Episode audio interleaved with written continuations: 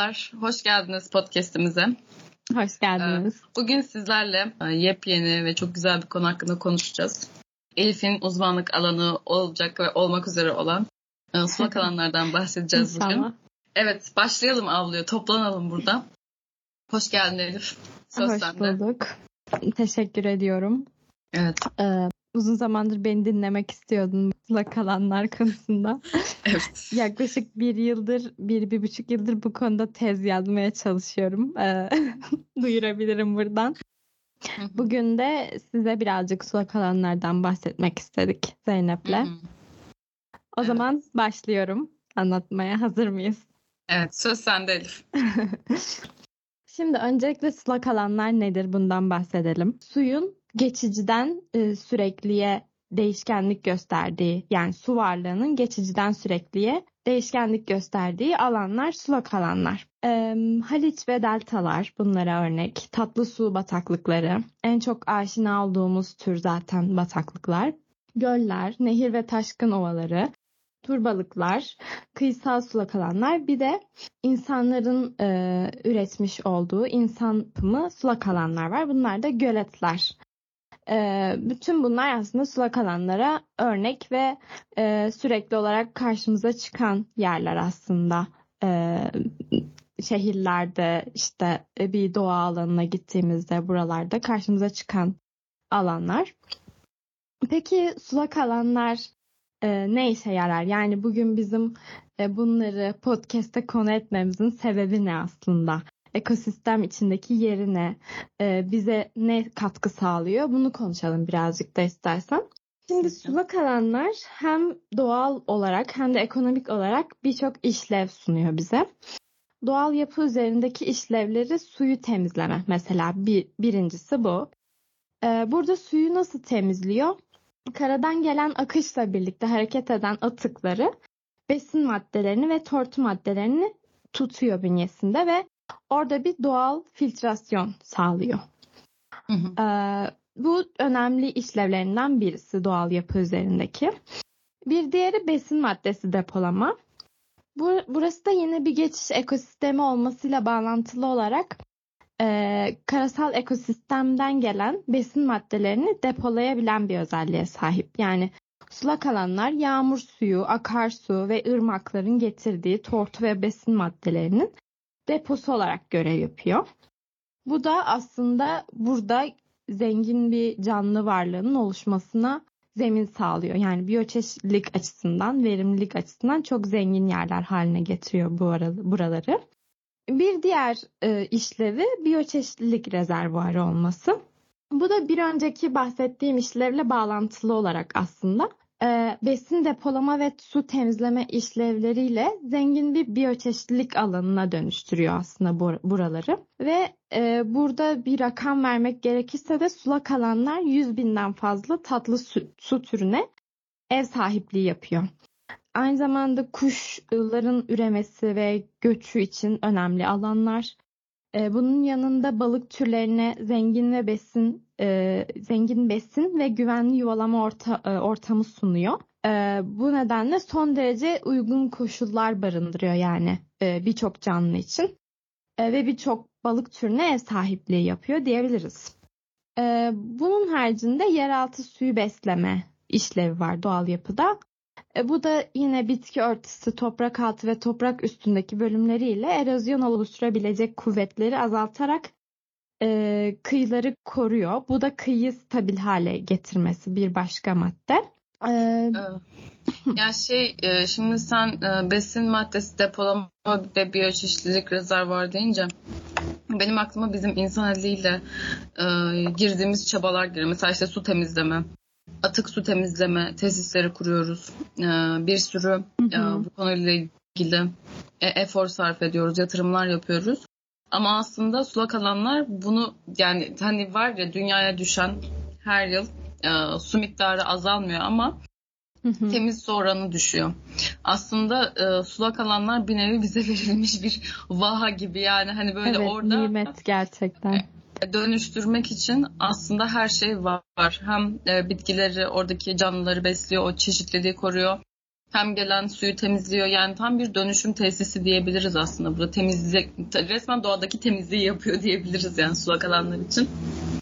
O yüzden inanılmaz bir şey yani. inanılmaz bir sistem. Evet Ve evet. Yani hala çok... bitmedi işlevleri. Bu kadar anladım. evet yani çok önemli bir noktaya parmak bastın bence. Gerçekten aslında biz bir şey yapmasak bile doğa kendi kendini tamamlıyor, temizliyor.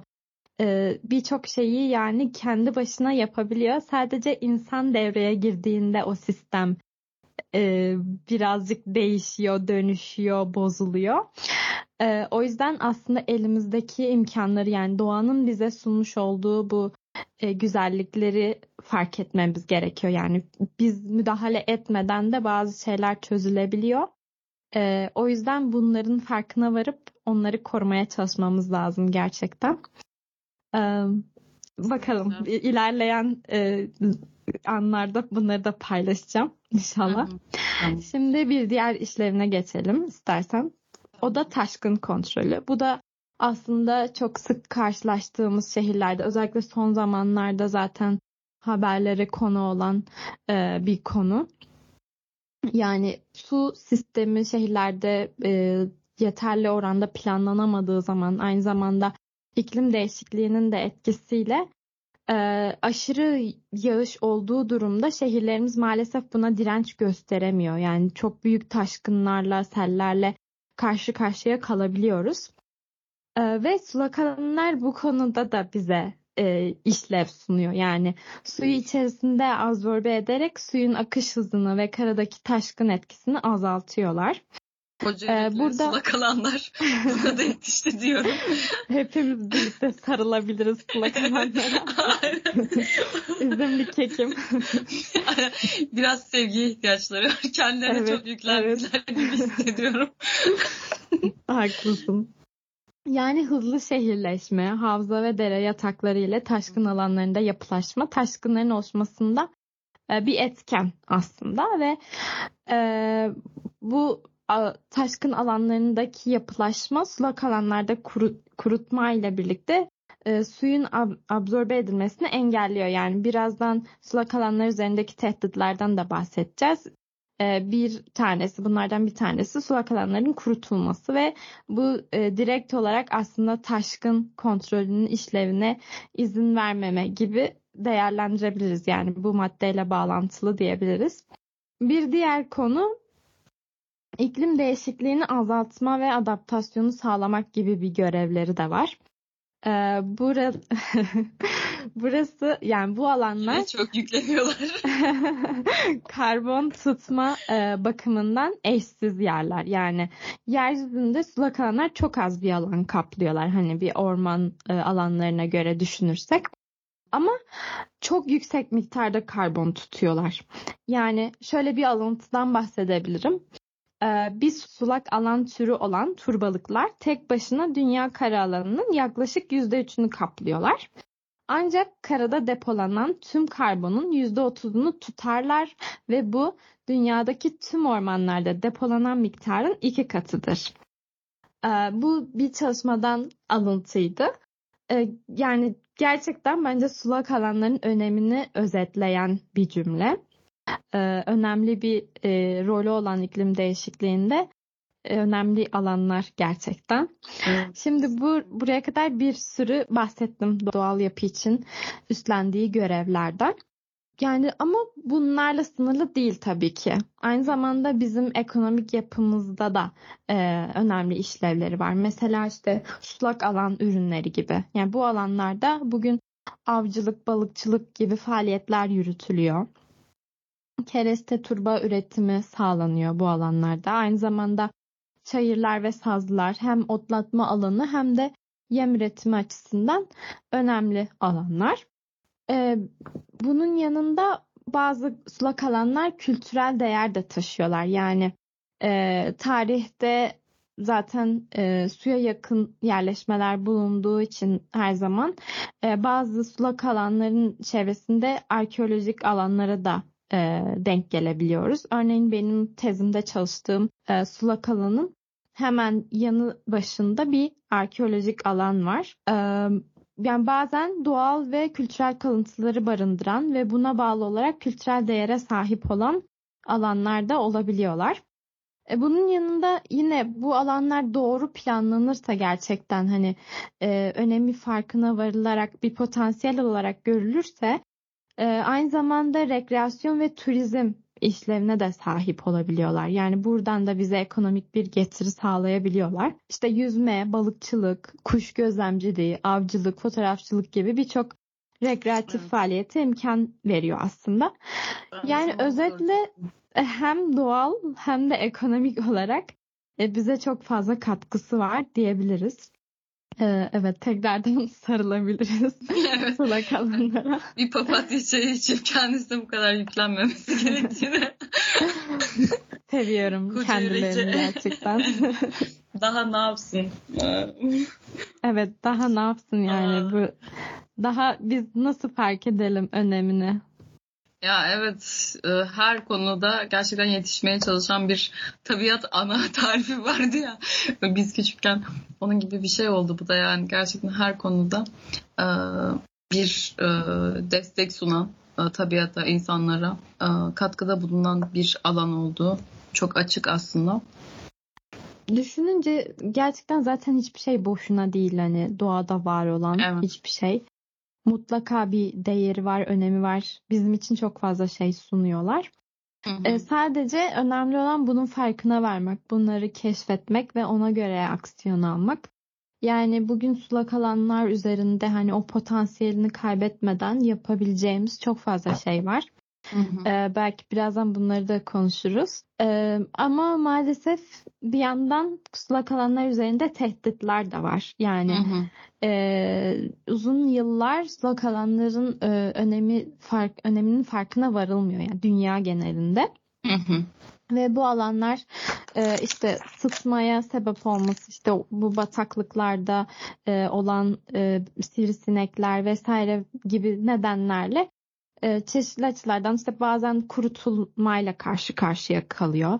Bazen tarımda e, tarım alanına dönüştürülmeyle karşı karşıya kalıyor. Bazen tarımda aşırı su kullanımı, kirlilik, işte yasak avcılık Ay, ve balıkçılık faaliyetleri, aşırı avlanma, aşırı balıkçılık faaliyetleri e, vesaire gibi şeylerle e, tehdit altına giriyor aslında. E, aynı zamanda sürdürülebilir olmayan altyapı projeleri işte burada baraj inşaatlarını örnek verebiliriz mesela. Evet. Hani baraj tabii ki şu an modern dünyada ihtiyacımız olan bir şey ama e, oradaki canlıların yaşam alanları gözetilmeden yaptığımız zaman bu alanları birçok canlının e, yaşamını yitirmesine ve oradaki e, tür çeşitliliğinin düşmesine sebep olabiliyor. Örneğin benim yine çalıştığım alandan örnek verecek olursam orada bir endemik tür vardı mesela bir kaplumbağa türü vardı. Oraya özgü bir tür ama baraj, oradaki baraj inşaatı sebebiyle o, o kaplumbağaların yaşam alanları daralıyor. E, ve kaplumbağaların sayısında azalış görülüyor. Ee, yani hem konaklama alanlarında hem yuvalama alanlarında bu canlıların daralmaya sebebiyet verebiliyor yani insan müdahaleleri. Ee, bu, bu ve bunun gibi birçok e, tehdit söz konusu sulak alanlarda yani dünya genelinde ama e, yeni yeni farkına varılıyor sulak alanların öneminin. E, ama şimdiye kadar maalesef iyi bir tabloyla karşı karşıya değiliz.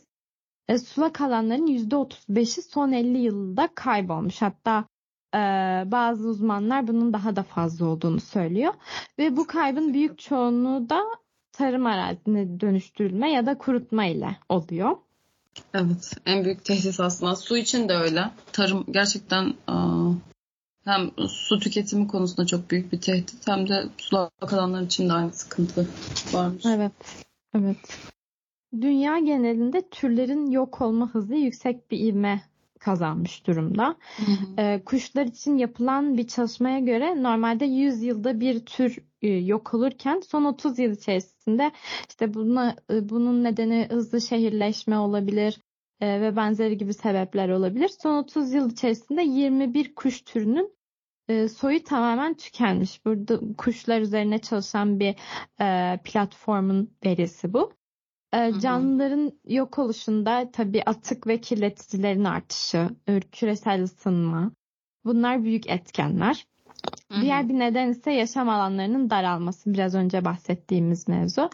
Yani biz sulak alanları koruyamadıkça bazı türlerin yok oluşuna maalesef ki sebep olabiliyoruz. Bu da bir hak aslında yani o canlının orada yaşama hakkı var. Ve hı hı. biz bu hakkı gasp ediyoruz aslında hani insanlık evet. olarak maalesef. Ee, yani durum böyle maalesef birazcık e, üzücü durum. Evet, evet kesinlikle ve bu konudaki farkındalık da çok önemli. Yani e, şey soracaktım. Manyas Kuş Cenneti de sulak alan olarak geçiyor. Hı hı. Evet. Değil mi? Hani kuş e, türleri deyince direkt aklıma Türkiye'den öyle bir örnek geldi. E, peki bu tehditler konusunda e, biz neler yapıyoruz? Türkiye'de durum ne? Yani Türkiye'de sulak alanlar e, şöyle. Yani Türkiye'nin bulunduğu coğrafi koşullar gereği çevresindeki ülkelere göre çok fazla kapalı su havzası bulunduran bir yer. Yani bu birçok bu birçok kapalı havzaya sahip olma durumu da sulak alanlar ve bu sulak alanların kuş çeşitliliği, E, iç su balıkları çeşitliliği bakımından büyük bir potansiyel sunuyor. Yani e, ülkemiz sulak yani her konuda olduğu gibi doğal açıdan cennet sulak alanlar konusunda da çok zengin. Hı hı. Çok iyi. Peki e, kapalı havza dediğiniz tam olarak ne oluyor? Kapalı havza da e, sularını denizlere kadar ulaştıramayıp kuruyan ya da yer altına sızdıran veya bir göle dökülüp e, kalan havzalar. Bu da göle dökülme durumunda aslında sulak alanlar oluşuyor. Hı hı. Yani iç bölgelerde sulak alan oluşumunu elverişli hale getiren bir havza tipi. Kapalı havzalar e, Türkiye'de genellikle iç kes yani dünya genelinde yani iç genellikle iç kesimlerde ve kurak iklim bölgelerinde görülüyor kapalı havzalar. Türkiye'de de iç ve Doğu Anadolu'da e, sıklıkla görebildiğimiz bir havza türü. Hmm. Ee, peki hani ne tarz örnekler var Türkiye'de? Ee, örnek olarak Konya Havzası'nı verebiliriz. Hı hı. Konya Kapalı Havzası. Hı hı. Ee, Türkiye'nin tahıl ambarı olarak bildiğimiz e, bir havza. Hı hı. Ve Konya Kapalı Havzası biyoçeşitlilik açısından dünyanın en önemli 200 ekolojik bölgesinden wow. biri. Wow. Evet, bu veriyi ben de bilmiyordum. Ee, ve İnanılmaz bir. Gerçekten çok önemli. Hatta bir arkadaşım Konya Kapalı Havzası'nı çalışıyordu yüksekte. Hı. Benim sınıf Hı. arkadaşım. Belki onu da bir ara davet edebiliriz. Evet inanılmaz Yani e, kız anlatmakta bitiremiyordu gerçekten. Orası da çok e, önemli bir alan ve üzerinde oranın da çok fazla tehditler var. Gerçekten. O yüzden konuşulmaya değer. Evet. Ama şu an konudan sapmayalım. Evet aynen yoksa bitmez. Şimdi e, şöyle bir de soruya yanıt olarak devamında şunları söyleyebilirim. E, Türkiye Akdeniz ve Karadeniz arasında karasal bir geçiş yolu niteliğinde.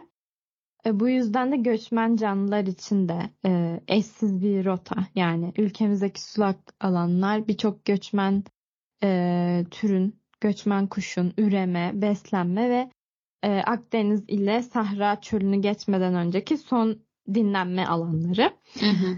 Yani kuşlar için hayati öneme sahip diyebiliriz e, bu sulak alanlar. Yani tekrar sulak alanlara dönecek olursak kapalı havzalardan hı hı. bir parantez açmış olduk orada. Hı hı. E, ama işte Türkiye'deki e, durumundan bahsediyorduk.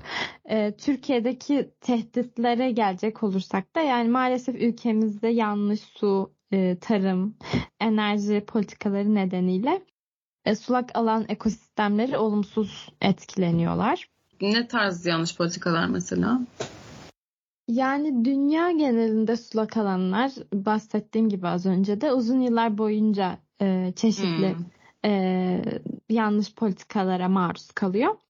E, ama şu an yeni yeni orada daha iyiye gidiyor diyebiliriz yani e, durumlar.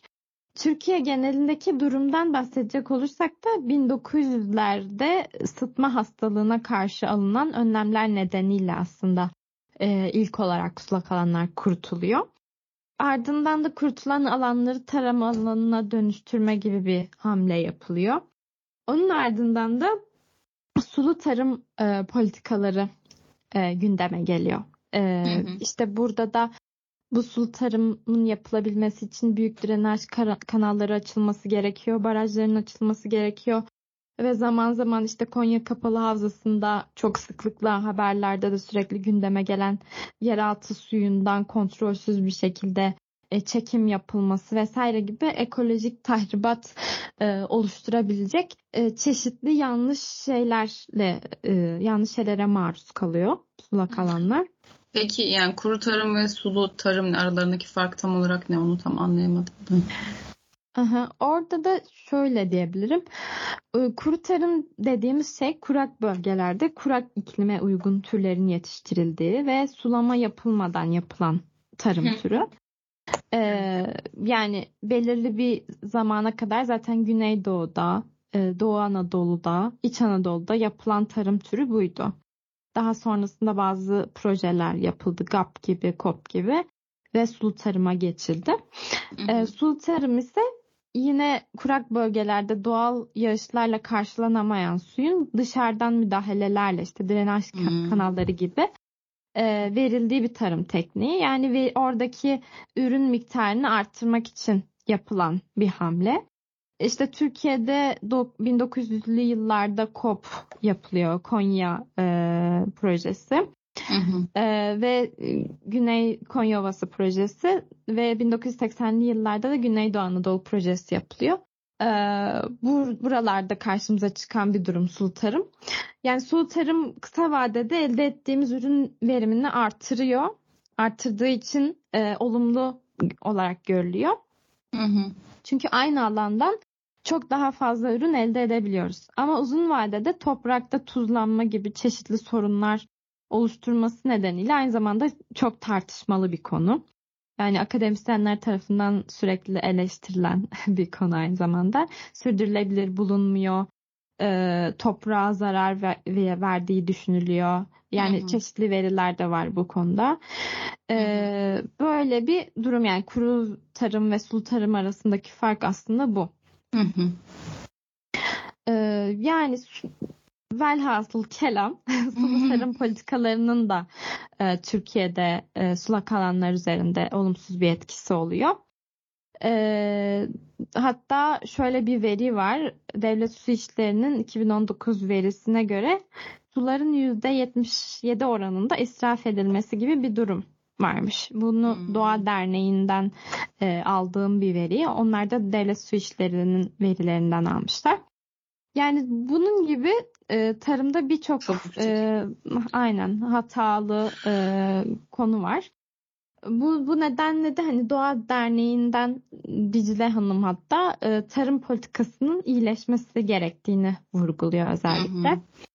Ee, yani belki de sulak alanlarla bağlantılı olarak ilk yapabileceğimiz şey yani ilk yapabileceğimiz şeylerden biri e, tarım politikasına yönelmek, iyileştirmek olabilir evet. belki de. Ee, evet. Yani bu ya. ve bunun pardon bir şey diyecektim. Evet aklıma şey geldi. Ee, ben de Dicle Hanım'dan dinlemiştim. Ee, ortaklaşa yürüttükleri projeler varmış İzmir Belediyesi ile. Ee, öyle bir örnek vardı. Ama hani tabii bu bir eğitim işi aslında. Oradaki kişilere nasıl tarım yapabileceklerini, alternatiflerinin ne olduğunu ve bunun sonunda nasıl bir tasarruf edeceklerine e, de öğretmek gerekiyor. E, bir de dediğin gibi %77 oranında suların israf edilmesi söz konusuysa dünya için de büyük bir tehdit bu aslında. Hani tarım alanlarının ee, bu şey yani tarım dediğimiz e, üretimin aslında sahip olduğumuz su kaynaklarına bu kadar ciddi zarar veriyor olması hı hı. gerçekten çok tehlikeli. Ee, biz daha öncesinde buna benzer bir konuyu ikinci el tüketiminde konuşmuştuk. Bugün ne giysem isimli. İsraf, israf, israf. Evet. evet. yani orada da sonuçta ham maddesi yine bitkiler, yine tarıma geliyor oradaki su tüketimi de. Aslında bu da onun dolaylı bir verisi diyebiliriz yani. e, çok önemli gerçekten. Nasıl e, kurtarabiliriz? E, neler yapılabilir? Bilemiyorum.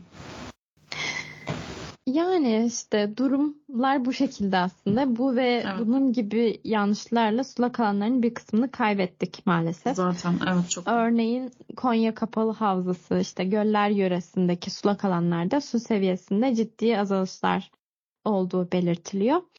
Ee, son yarım asır içerisinde sulak alanlarımızın kurtularak tarım alanına dönüştürülmesi sonucu yaklaşık yarısını kaybetmemiz e, biyoçeşitlilik yönünden büyük kayıplara yol açtı. Hı hı. E, Amik ve Avlan gölleri bu şekilde kaybedildi. Zaten Amik Gölü e, çok tartışmalı işte şu sıralar Hatay depreminde e, havzada bulunan havalanının işte sular altında kalmasıyla vesaire. Ee, yani oradaki yanlış yer seçimi e, havaalanının bulunduğu bölge nedeniyle vesaire. Hı-hı. Bu birazcık e, baş, belki başka zaman konuşuruz ama konuyu dağıtmayalım. E, yani genel olarak e, yanlış yer seçimleri, sulak alanlarının sulak alanlara e, yanlış işlevler verilmesi, korunamaması, gibi durumlar söz konusu. Aynı şekilde Beyşehir ve Eğirdir gibi büyük göllerimiz de kirlilik, iklim değişikliği gibi sorunlarla karşı karşıya. E, yani önlem almadığımız takdirde bu ekosistemler yok olma tehlikesiyle karşı karşıya kalabilir maalesef. Hani başta o kadar yararından bahsettik bize sunduğu bir sürü e, işlevden, güzellikten bahsettik. Evet. Ama önlem almazsak yok olma tehlikesiyle karşı karşıya kalabilir. E, bu konuda birazcık da olumlu bitirmek istiyorum aslında. Olumsuz bitirmek istemiyorum podcast'ı. Hmm. E, bu konuda dünyada sulak alanlara yönelik koruma esasları sunan e, uluslararası düzeyde bir e, sözleşme var. Ramsar Sözleşmesi. Zaten benim test konum da e, sulak alanlardan ziyade sulak alanların yönetimi, doğru planlanması üzerine. Hı hı. E, yani inşallah kendi alanıma dair bir öneri sunacağım. Doğru bir yönetim örneği. E, sulak alan yönetimi henüz yeni yeni e, gelişen bir şey yani dünyada da bu şekilde. E, bu Ramsar Sözleşmesi'nin de hani çok geçmişi çok uzun değil. E, 1970-80'lere dayanıyor. Tam tarihini hatırlamıyorum şu an ama. Dünyada da e, çok yeni. Yani bakıldığı zaman. Yani evet çok zaten bizim genel olarak 1970'ler öncesi çevreye karşı duruşumuz çok kötü yani hı hı. E, hani o sanayileşme e, vesaireden sonra e, çevre hiç e, göz önünde bulundurmadığımız bir konu.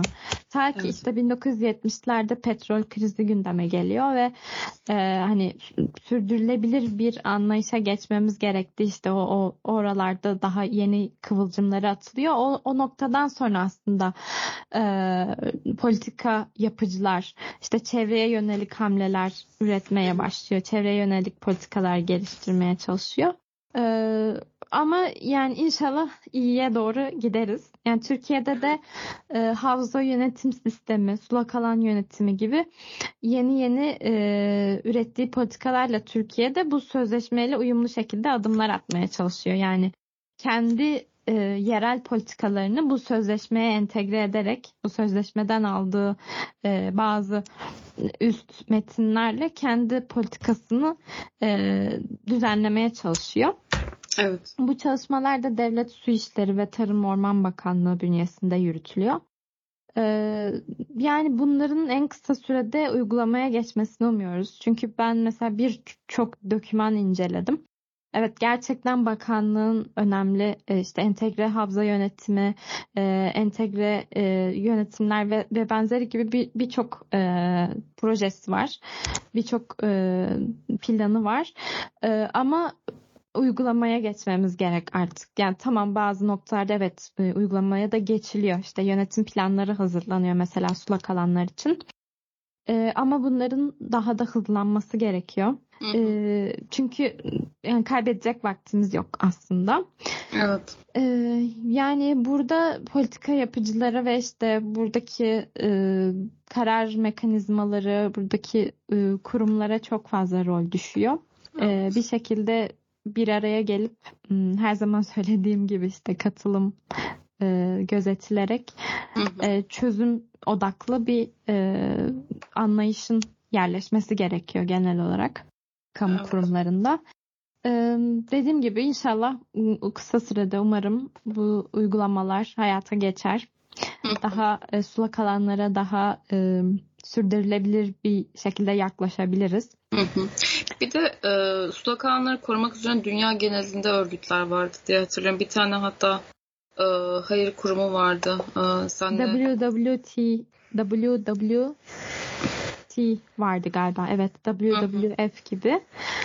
Ee, evet sulak alanlara yönelik kurulmuş işte NGO'lar var, e, sivil toplum kuruluşları var.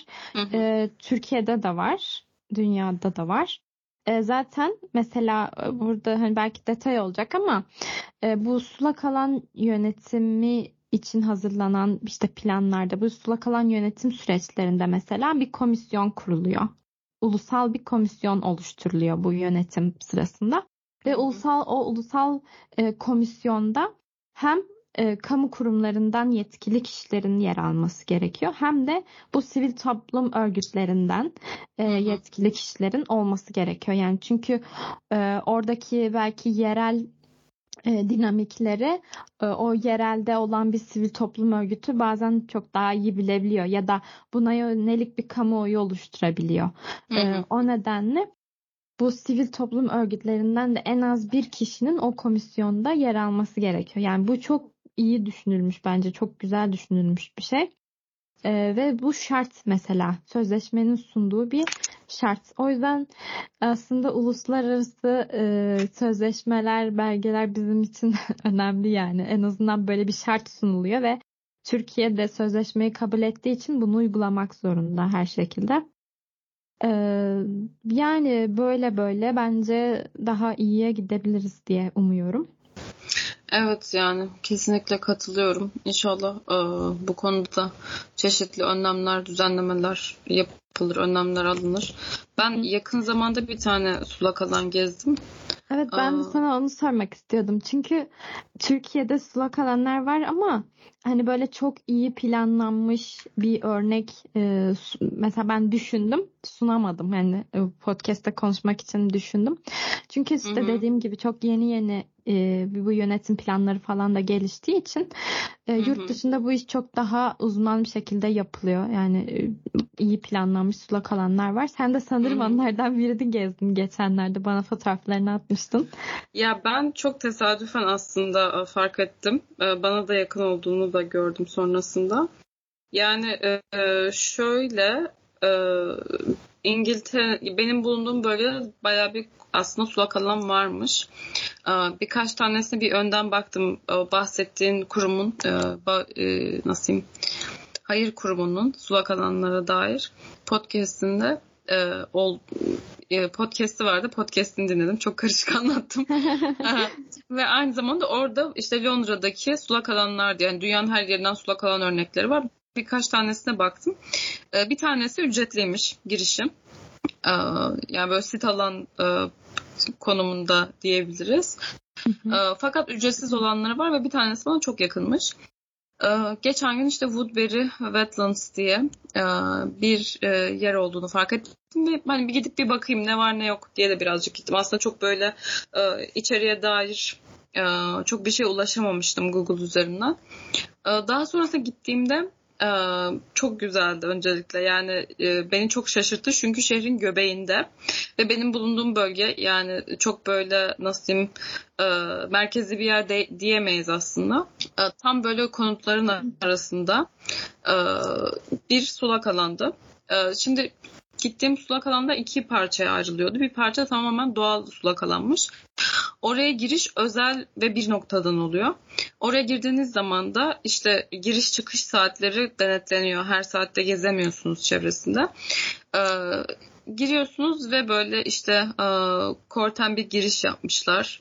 İşte girişinde bisiklet e, park alanları var. Duyuruların olduğu böyle bir e, tablolara astıkları bir yer var. E, ve orada mesela şey vardı. E, sulak alanın içerisinde haftada her bir gün yani her pazar günü orada bir rezervasyon yaptırıyorsunuz ve biri gelip size sulak alanı anlatıyor. Burada hangi bitkiler var, hangi canlılar var diye böyle hani çok yapay bir yer değil aslında. Hani tam böyle bir park haline getirilmiş ama çok dokunulmuş amanın amanın her yeri değiştirilmiş dönüştürülmüş diyemeyiz. İçine de zaten böyle ahşap bir e, patika bir yoldan geçiyorsunuz. E, sonrasında girdikten sonra da bir kafesi var. E, hemen gölün kenarında. E, kafesi de çok güzeldi. İçine tamamen işte e, doğal ürünler işte böyle e, kahve, atıştırmalık, e, işte gluten free falan böyle özel ürünler vardı. E, bir yanda da yine işte sulak alanlarda dair e, yapılan işte farkındalık çalışmalarının olduğu, belli duyuruların yapıldığı yine panoları vardı. Bir köşede birisi yine o hayır kurumu için işte hem bağış topluyor bir yandan da nasıl e, iş, işlevlerde bulun yani nasıl aktivitelerde bulunduklarından falan bahsediyordu. Birkaç kişi onları dinliyordu. İşte böyle ufak hediyelikler falan veriyor. İşte e, postkart satıyor. İşte birkaç işte kalem, defter vesaire satıyor. E, yine aynı kurum için. Ve oradaki hani aslında gelen kişiyi bir nevi bilgilendiriyor diyebiliriz. E, aynı yerin hani böyle aile buluşmaları oluyormuş. Çocuklar için özel etkinlikleri oluyormuş. Çocuklar geliyorlar işte boyama yapıyorlar. Evet oradaki bitkileri üzerinde işte konuşuyorlar, tartışıyorlar. Ee, bu tarz e, bir dükkanı diyemem ama bir köşe oluşturulmuş hani oranın içerisinde. Hmm. Ve bayağı da insanlar orada vakit geçiriyor yani. Sonra gölün kenarında falan bir iki tur attım. Ee, bir köşesinde gönüllülerin toplandıkları, vakit geçirdikleri bir yer yapmışlar. Ee, gönüllülerin buluştukları, yani onlara ait bir yer var. Ee, ve Orayı orada gelip... korumaya yönelik oranın bakımını üstlenen evet. gönüllüler mi? Yani tam olarak bilmiyorum. Belki hani o e, nasıl o hayır kurumunun e, ama hayır kurumu da sulak alanlar üzerine çalışıyor zaten. O hayır kurumuna aittir belki. Orayı bilemiyorum. Ben göremedim orayı. Ama hani onlara ait bir yer varmış orada. Hmm. Belki gelip toplanıyorlar, işte etrafı temizliyorlar, toparlıyorlar. Belki etkinlikler için hazırlanıyorlar, depo gibi kullanıyor da olabilirler. Ama sulak alanın çevresinde böyle hani e, belli patika yollar falan var. bu arada e, o parka giriş yani e, sulak alanın içinde olduğu ve işte parklaştırdıkları yere giriş de bisikletiniz, skuteriniz veya köpeğinize giriş yapamıyorsunuz. Hmm. Böyle bir sınırlama var orası için. Ee, bence çok iyi çünkü burada e, o da bir noktadan sonra orayı işgal eden bir şey haline gelebiliyor. Hani direkt zarar veren demeyelim ama e, daha çok insanın çekilmesine sebep olabiliyor. Çünkü hani oralara da biliyorsunuz çok böyle yoğun insan akımının olması istenmiyor aslında istemediğimiz yerler. Ee, aynı gölün e, tam karşı hattında yani aradan bir yol geçiyor. İşte e, iki taraflı evler, işte konutlar e, veya binalar var. Tam karşısında bir de yapay gölet yapmışlar. Bu yapay gölette de yüzebiliyorsun. İşte yelkenle öğrenebiliyorsun ya da işte su sporları yaptığın bir yer orası. Daha sonrasında bir köşesini kafe restoran haline getirmişler. Ee, orada hem eğitim aldığın işte bu workshopları aldığın e, bir yeri var köşesinde bir yandan da etkinlikler düzenliyorsun. Yani şey vardır ya hani biz bu gölü işte doğal bir göl ve biz burada etkinlik yapmak istiyoruz. Hayır tamam bu göl burada kalsın. Biz yanına yapay bir tane gölet yapalım. Orada ne istiyorsanız yapalım. Gerçekten de biz gittiğimizde e, etkinlik vardı. Yani işte bir davet verilmiş. E, böyle işte iki katlı bir yer diyebiliriz. E, ve bizim girişimizi e, kapatmışlardı o gün için. Fakat o aynı yapay gölette e, etrafında yine yürüyüş rotası oluşturulmuş. Patikalar var böyle. Bisikletli geçebiliyorsun. İşte köpeğinle gezdirebiliyorsun falan. Hani o diğer doğal alanda yapamadığın her şeyi orada yapabiliyorsun aslında. Harika o, ya. Evet, bu, düşünülmüş. kesinlikle ve bu agresyonu da düşüren bir şey bence oraya dair. Yani insanların o arzulayan işte burayı kullanalım, burayı işte şöyle yapalım e, gibi e, ihtiyaçlarını da e, arzularını da düşüren bir şey. Çünkü diğer tarafta yapabiliyorsun zaten hı hı. gibi oluyor. E, ve orası daha büyük bir e, göletti diyebilirim. E, ben gittiğimde de işte e, bu, bu tarz etkinlikleri yapanlar işte e, açılanlar falan vardı.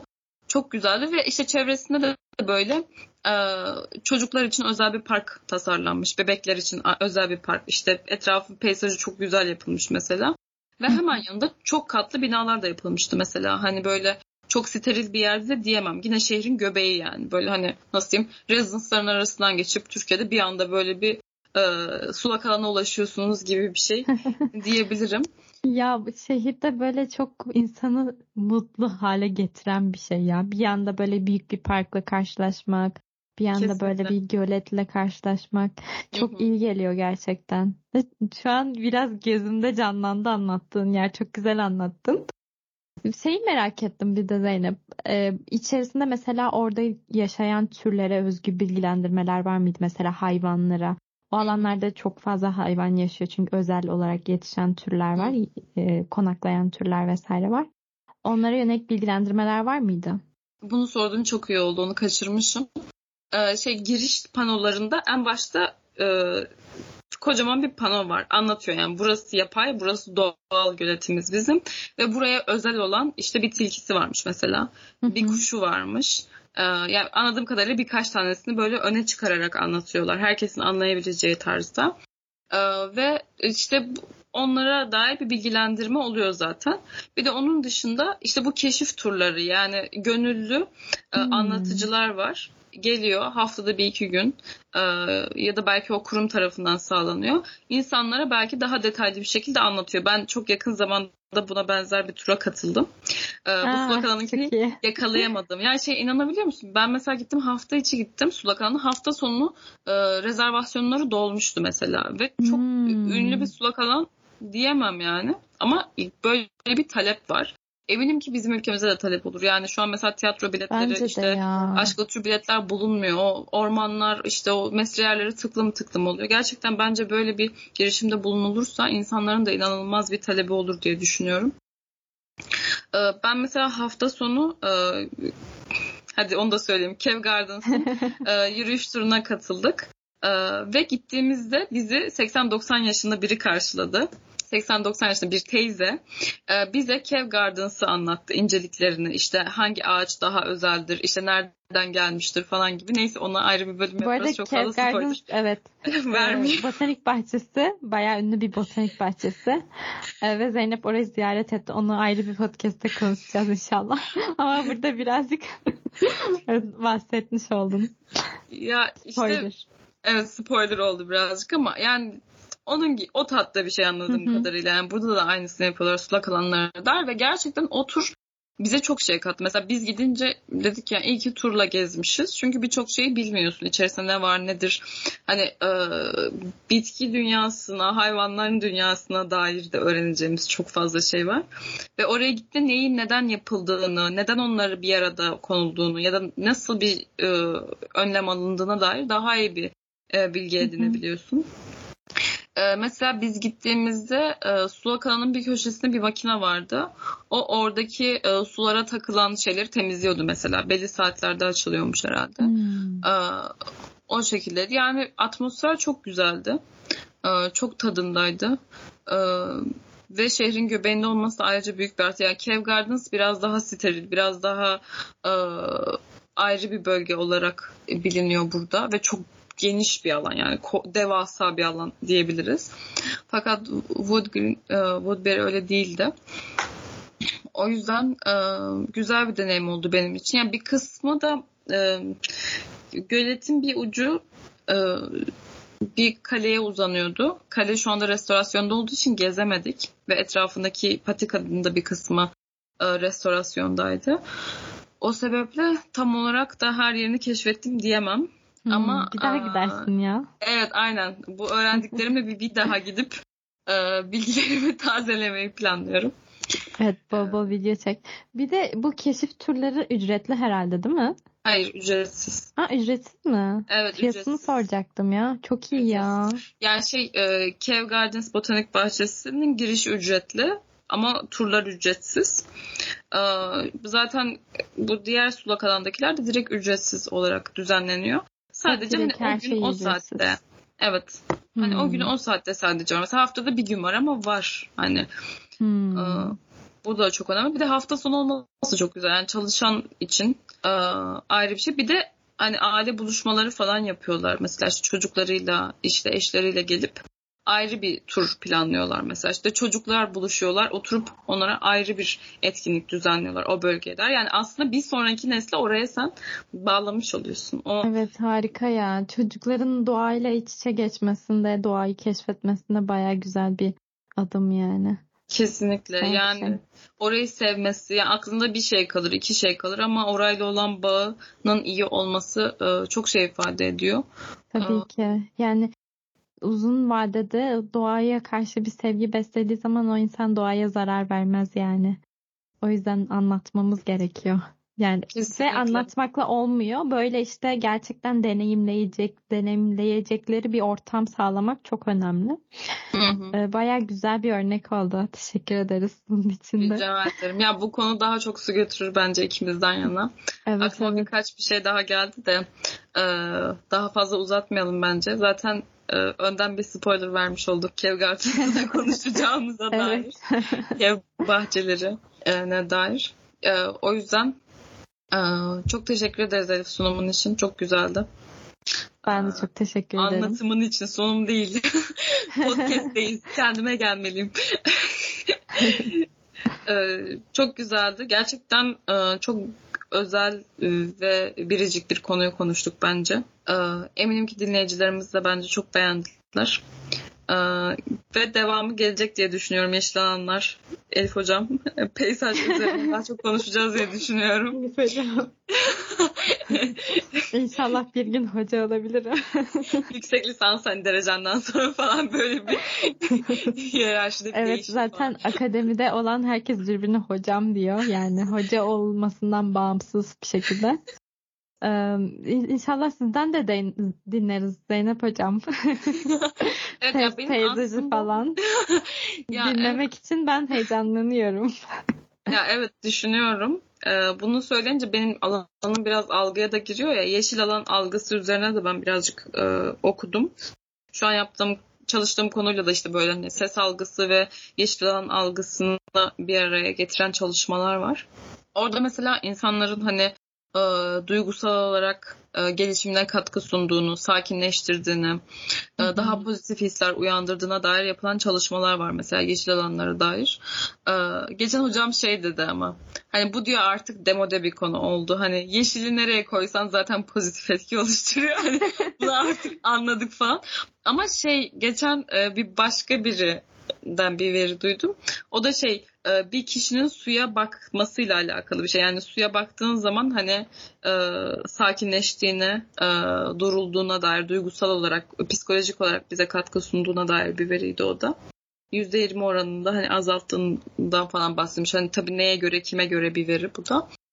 Ama e, genel olarak sadece bakmak bile bu kadar e, bize katkı sunuyorken bir de suyla temas edebildiğin, suyla spor yapabildiğin, işte gidip oradaki e, kuşu gözlemlediğin, onunla vakit geçirebildiğin bir yer olması gerçekten insan hayatını kalitelileştiren e, bir adım oluyor çevreye Kesinlikle. dair ve bize dair.